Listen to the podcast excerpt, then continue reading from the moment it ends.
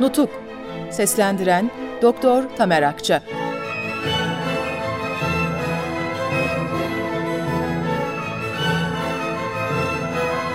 8. Bölüm.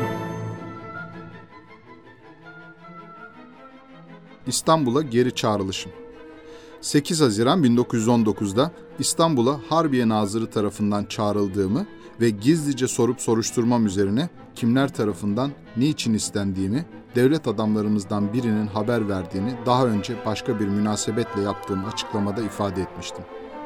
O zat Genelkurmay Başkanlığı makamında oturan Cevat Paşa'ydı. Bunun üzerine İstanbul'da yapılmış olan yazışmaların bir kısmı herkesce öğrenilmiştir. Bu yazışmalar Erzurum'da görevden ayrıldığım tarihe kadar değişik harbiye nazırlarıyla ve doğrudan doğruya sarayla devam etmiştir. Genel durumu artık bir komutanla yürütüp yönetmeye devam imkanı kalmamıştı.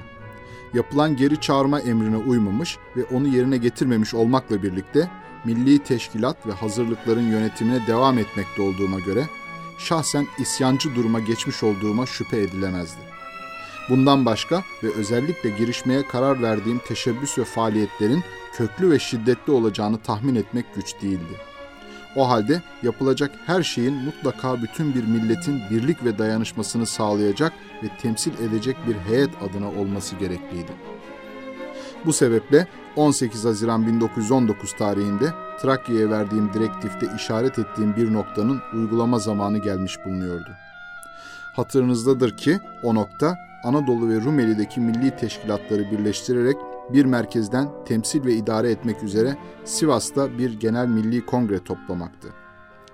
Bu amacın gerçekleştirilmesi için yaverim Cevat Abbas Bey'e 21-22 Haziran 1919 gecesi Amasya'da yazdırdığım genelgenin esas noktaları şunlardı. 1. Vatanın bütünlüğü, milletin bağımsızlığı tehlikededir. 2. İstanbul hükümeti üzerine aldığı sorumluluğun gereğini yerine getirememektedir. Bu durum milletimizi yok olmuş gibi gösteriyor. 3. Milletin bağımsızlığını yine milletin istek ve kararı kurtaracaktır. 4.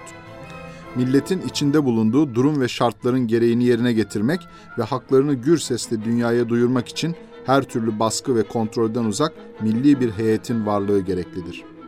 5. Anadolu'nun her bakımdan en güvenli yeri olan Sivas'ta hemen milli bir kongrenin toplanması kararlaştırılmıştır. 6.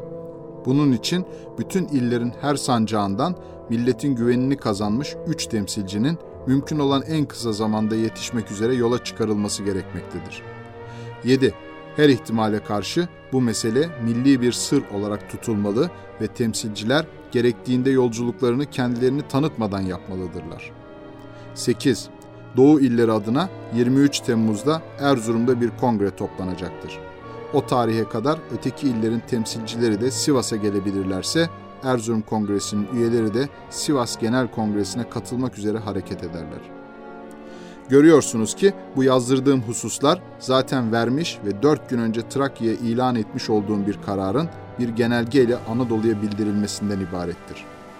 Bu kararın 21-22 Haziran 1919 gecesi karanlık bir odada alınmış korkunç ve esrarlı yeni bir karar olmadığı zannımca kolaylıkla takdir buyurulur.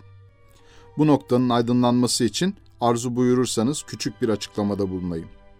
Efendiler, o müsvedde işte bu kağıtlardır. Dört maddeliktir. İçindekileri bildirdim. Sonunda benim imzam vardır. Bir de görevi dolayısıyla kurmay başkanım olan Albay Kazım Bey'in kurmay heyetinden tebliğ işleriyle görevli memur Hüsrev Bey'in, askeri makamlara şifreleyen yaverim Muzaffer Bey'in ve sivil makamlara şifreleyen bir memur efendinin imzaları vardır. Bunlardan başka daha bazı imzalar vardır. Bu imzaların bu müsveddeye konması iyi bir şans ve tesadüf eseridir. Daha Havza'da bulunduğum sırada Ankara'da bulunan 20. Kolordu Komutanı Ali Fuat Paşa'dan bir şifreli telgraf aldım. Bu telgraf aşağı yukarı tanıdığımız bir şahıs bazı arkadaşlarla birlikte İstanbul'dan buraya gelmiştir. Nasıl hareket etmeleri gerektiği konusunda ne emir buyuruyorsunuz şeklindeydi. Adeta bir bilmeceyi andıran bu telgraf bende büyük bir merak ve hayret uyandırdı. Söz konusu edilen şahsı tanıyorum. Benden nasıl hareket edileceğini soruyor. Ankara'da arkadaşım olan güvenilir bir komutanın yanında. Telgraf da şifrelidir. O halde neden adını şifreli olarak bile yazdırmaktan çekiniyor? Bir hayli düşündüm. Kavrar gibi oldum. Tahmin buyuruluyor ki bilmece çözmekle uğraşacak zamanım yoktu. Fakat Fuat Paşa'yı yakından görmek, bölgeleri, çevreleri, düşünceleri üzerinde kendisiyle konuşmak bence pek istenilir bir şeydi. Bu bilmeceli telgraftan ilham alarak kendisine şu ricada bulundum. Ankara'dan ayrıldığınızı belli etmeyecek tedbirleri aldıktan sonra ad ve kıyafet değiştirerek birkaç gün için hemen yanıma geliniz. İstanbul'dan gelen arkadaşları da birlikte getiriniz. Gerçekten de Fuat Paşa dediğim gibi Havza'ya hareket eder. Ancak bazı zorlayıcı sebepler dolayısıyla ben derhal Havza'dan ayrılıp Amasya'ya gitmeye mecbur olmuştum. Fuat Paşa Havza yolunda durumu anlar ve Amasya'ya yönelir. İşte böylece 21-22 Haziran'da Amasya'da yanımda bulunuyor. Adı şifrede bildirilmeyen zat da Rauf Bey'dir. İstanbul'dan ayrılmak üzere evimden otomobile bineceğim sırada Rauf Bey yanıma gelmişti. Bineceğim vapurun takip edileceğini ve beni İstanbul'dayken tutuklamadıklarına göre belki de Karadeniz'de batırılacağımı güvenilir bir yerden işitmiş, ona haber verdi. Ben İstanbul'da kalıp tutuklanmaktansa batıp boğulmayı tercih ettim ve hareket ettim. Kendisine de eninde sonunda İstanbul'dan çıkmak zorunda kalırsa benim yanıma gelmesini söyledim. Rauf Bey gerçekten de İstanbul'dan çıkmak gereği duymuş ve çıkmış. Ancak benim yanıma gelmedi.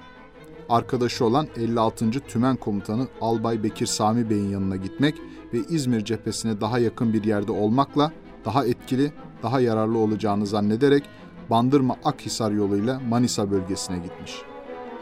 Gittiği yerde halkın maneviyatını bozuk, durumu tehlikeli ve korkunç bulmuş.